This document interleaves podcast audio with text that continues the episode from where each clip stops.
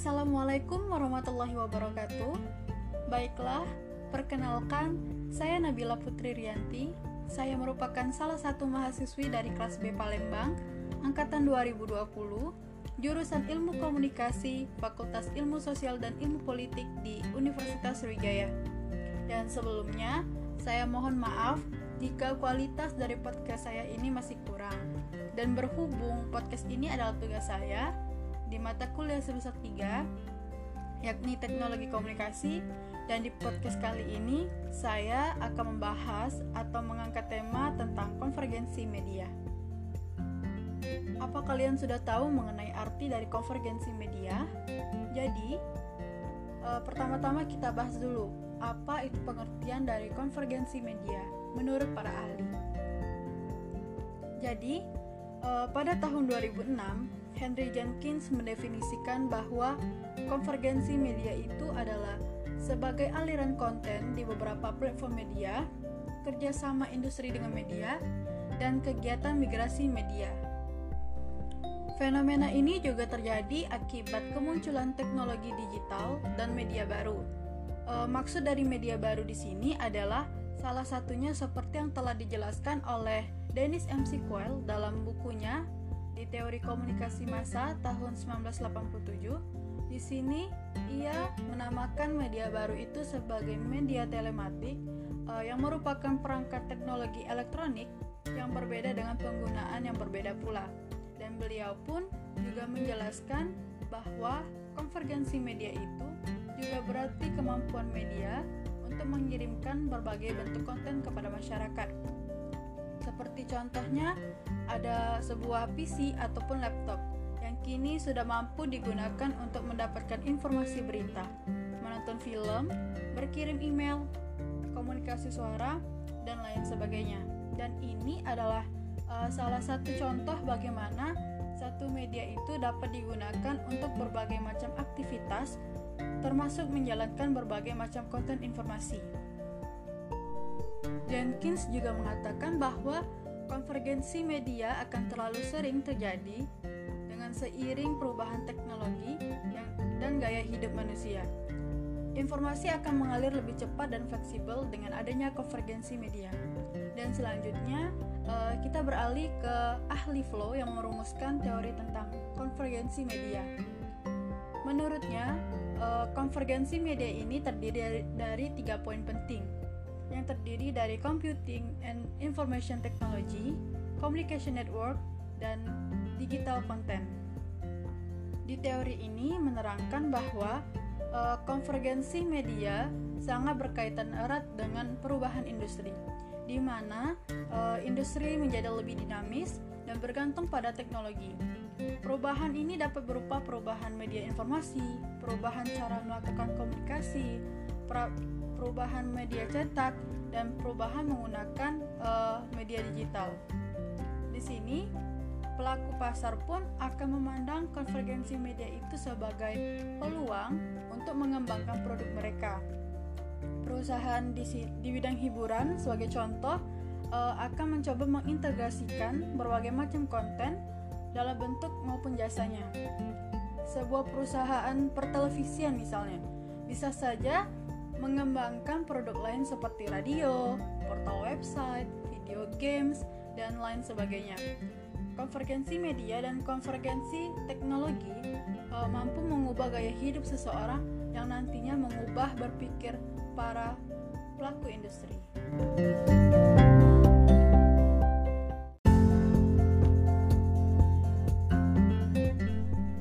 Baik, selanjutnya konvergensi media di Indonesia.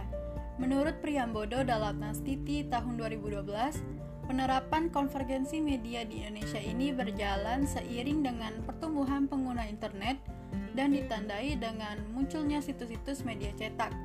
Pelopornya adalah Harian Republika atau yang sering kita jumpai di website adalah www.republika.co.id dan Harian Kompas www.kompas.com yang pada tahun 1995 merilis websitenya. Namun, website tersebut hanya berfungsi sebagai ekstensi publikasi berita karena kontennya adalah digitalisasi format teks dari versi cetaknya ataupun e, menempatkan ulang produk yang sama dari versi cetak ke versi web. Dan pada tahap selanjutnya, pada konvergensi media di Indonesia juga bergerak dari aspek layanan menuju pergeseran struktur industri dengan adanya muncul tren dari penggabungan perusahaan media. Selanjutnya, eh, perubahan media massa di Indonesia berkembang menjadi perusahaan multimedia sebagai hasil dari merger, akuisisi, bahkan kerjasama dengan pihak asing. Maka, Sejak tahun 2000-an hingga sekarang, peta industri media di Indonesia dikuasai oleh beberapa grup media besar. Seperti contohnya, yang pertama itu ada grup MNC, di dalamnya ada RCTI, Global TV, Koran Sindo, dan Radio Trijaya. Yang kedua ada grup Bakri, di dalamnya juga ada Viva News, TV One, dan Antv. Ketiga, grup media Indonesia, di dalamnya juga ada Harian Media Indonesia dan Metro TV. Keempat, grup Transkop, di dalamnya ada Trans TV, Trans 7, dan Detik.com. Dan yang terakhir, yang kelima, ada grup Kompas Gramedia, yang di dalamnya ada Harian Kompas, Tribun, Warta Kota, Kompas.com, dan Kompas TV.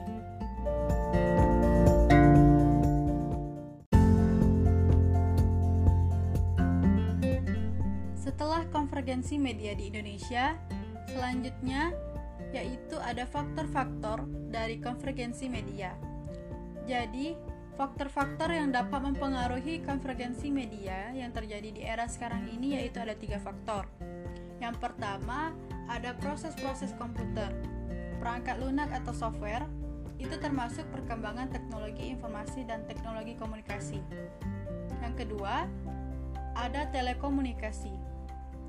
Media massa konvensional termasuk media cetak maupun media elektronik. Yang ketiga, media dalam lingkungan digital, internet dan perkembangannya. Setelah faktor, kini kita beralih ke dalam bentuk-bentuk konvergensi media. Bentuk konvergensi media itu ada tiga, yakni yang pertama ada konvergensi telematika.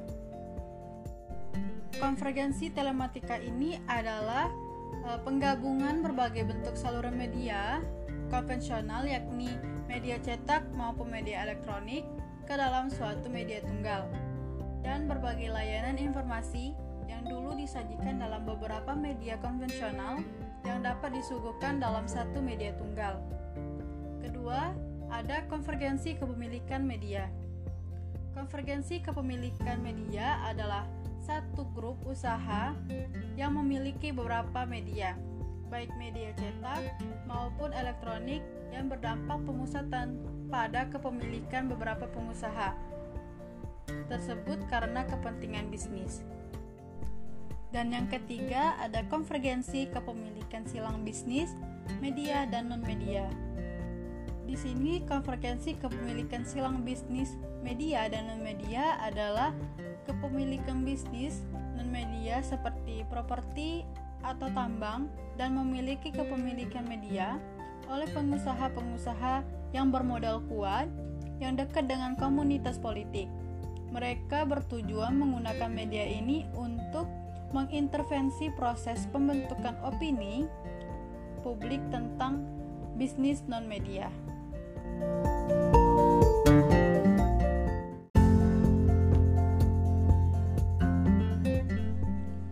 Selanjutnya ada model dari konvergensi media. Menurut Daily, Demo, dan Spielman dalam Nasiti 2012, model kontinum konvergensi media ini adalah yang merupakan model yang menjelaskan tentang mendefinisikan lima aktivitas konvergensi media berdasarkan tingkat partisipasinya. Dan model ini e, banyak digunakan khususnya terkait dengan proses konvergensi pemberitaan yang dilakukan oleh organisasi ruang berita atau newsroom. Kontinum konvergensi ini merupakan model yang berfungsi sebagai instrumen untuk mendefinisikan dan mengevaluasi tahapan-tahapan dari proses konvergensi yang terjadi dalam suatu ruang berita dan bukan untuk menilai keberhasilan suatu ruang berita tersebut. Selanjutnya, di dalam model ini dijelaskan bahwa adanya lima aktivitas dalam uh, proses konvergensi media. Yang pertama ada cross promotion. Cross promotion berarti uh, kerjasama di antara dua media untuk saling memberikan ruang untuk memperkenalkan konten media satu sama lain. Dan antara kedua media yang bekerja sama tersebut, mereka menggunakan iklan, kata-kata, dan elemen visual dengan tujuan mempromosikan konten media partner, termasuk juga menampilkan logonya. Yang kedua, cloning. Cloning yaitu ketika konten media diperbanyak untuk dimuat di media lainnya, yang artinya eh, satu media menampilkan konten berita dari ruang berita media lain dengan apa adanya dan tanpa perubahan. Dan proses cloning ini umumnya dilakukan suatu media nasional untuk memuat berita-berita internasional melalui cloning dari agen berita internasional seperti Bloomberg, AP, dan lain-lain. Yang ketiga, ada cooptation, yaitu tahap ketika entitas media yang terkonvergensi saling bekerjasama dan berkompetisi di saat yang bersamaan. Dan dalam hal ini juga terkandung adanya pertukaran pengetahuan antara kedua media yang berbeda yang bekerja sama, saling bekerja sama dalam produksi berita dan kegiatan promosional. Tetapi produksi konten ini tetap dilakukan secara independen di ruang berita yang terpisah. Seperti contohnya kompetisi dalam konvergensi media itu biasanya dilakukan oleh media-media yang berbeda newsroom tetapi masih berada dalam satu grup media yang sama. Yang keempat ada content sharing. Content sharing yang memungkinkan kedua media yang berlainan saling berbagi konten dalam bentuk pengemasan ulang atau bahkan e, termasuk berbagi budgeting. Di konvergensi media dalam tahap ini, sebagian besar dilakukan oleh media yang berada di bawah satu kepemilikan. Nah, dalam tahap konten sharing ini diadakan rapat dan pertemuan rutin antara media yang bekerja sama untuk mengumpulkan tema dan isu yang akan diangkat dalam media masing-masing dan konten yang akan didistribusikan oleh media masing-masing. Dan yang kelima yaitu ada full convergency yaitu ketika media yang berada berbeda bekerja sama secara penuh, baik dalam hal pengumpulan, produksi, dan distribusi konten, dan bertujuan untuk memaksimalkan keunikan karakteristik masing-masing media uh, untuk menyampaikan konten tersebut. Dan dalam tahap hal ini, full konvergensi media yang bekerja sama menghasilkan konten dan topik secara kolaboratif dan memanfaatkan kekuatan platform media masing-masing. Tahap full konvergensi ini juga jarang ditemui penerapannya di berbagai grup media.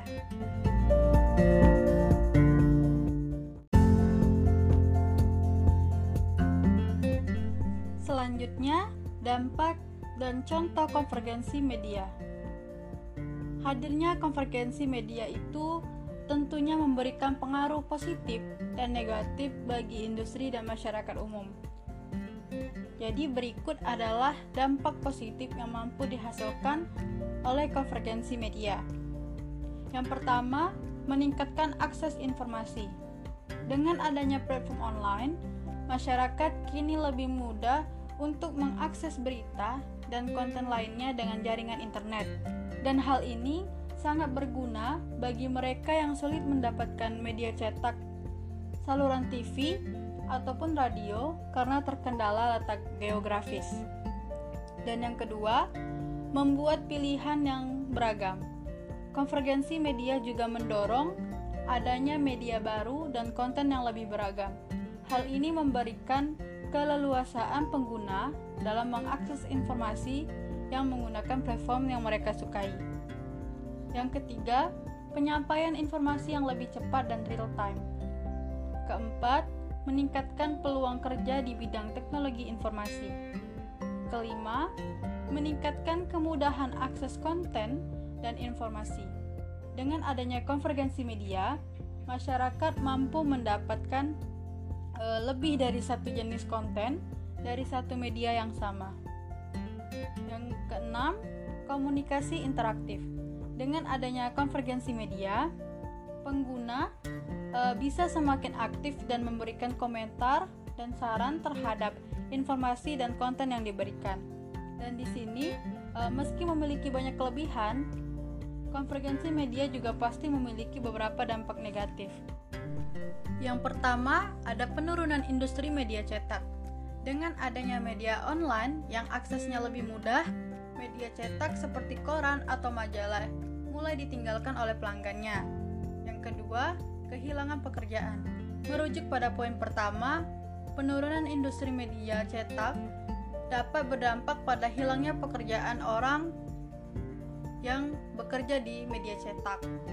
Yang ketiga, ketergantungan pada teknologi digital. Adanya konvergensi media juga mengubah gaya hidup masyarakat menjadi semakin bergantung pada gadget. Mudahnya akses informasi yang berpeluang menjadikan uh, gangguan itu semakin malas. Setelah dampak, uh, selanjutnya konvergensi media. Contoh-contoh konvergensi media. Kompas merupakan salah satu media yang paling berpengaruh di Indonesia. Sebelumnya, Kompas hadir dalam bentuk media cetak berupa koran yang terbit harian. Seiring dengan perkembangan teknologi, eh, Kompas melupa, melakukan konvergensi media dengan meluncurkan portal berita, yaitu kompas.com dan portal ini memberikan berita yang lebih cepat, real time, dan beragam. Dan para pembaca Kompas pun yang sebelumnya harus membeli koran, uh, kini dapat mengakses informasi melalui internet. Konten berita yang ditampilkan pun menjadi lebih beragam untuk menyasar pasar yang lebih luas. Dan selain portal berita, Kompas juga menyediakan versi digital dari koran Kompas berupa e-paper Kompas dan hal ini memungkinkan uh, pelanggan harian koran Kompas untuk tetap bisa mengakses berita melalui laptop, smartphone, tablet, dan gadget lainnya. Baiklah, uh, mungkin ini saja materi yang dapat saya sampaikan. Semoga bermanfaat bagi kita semua. Lebih kurangnya saya mohon maaf dan saya akhiri wassalamualaikum warahmatullahi wabarakatuh.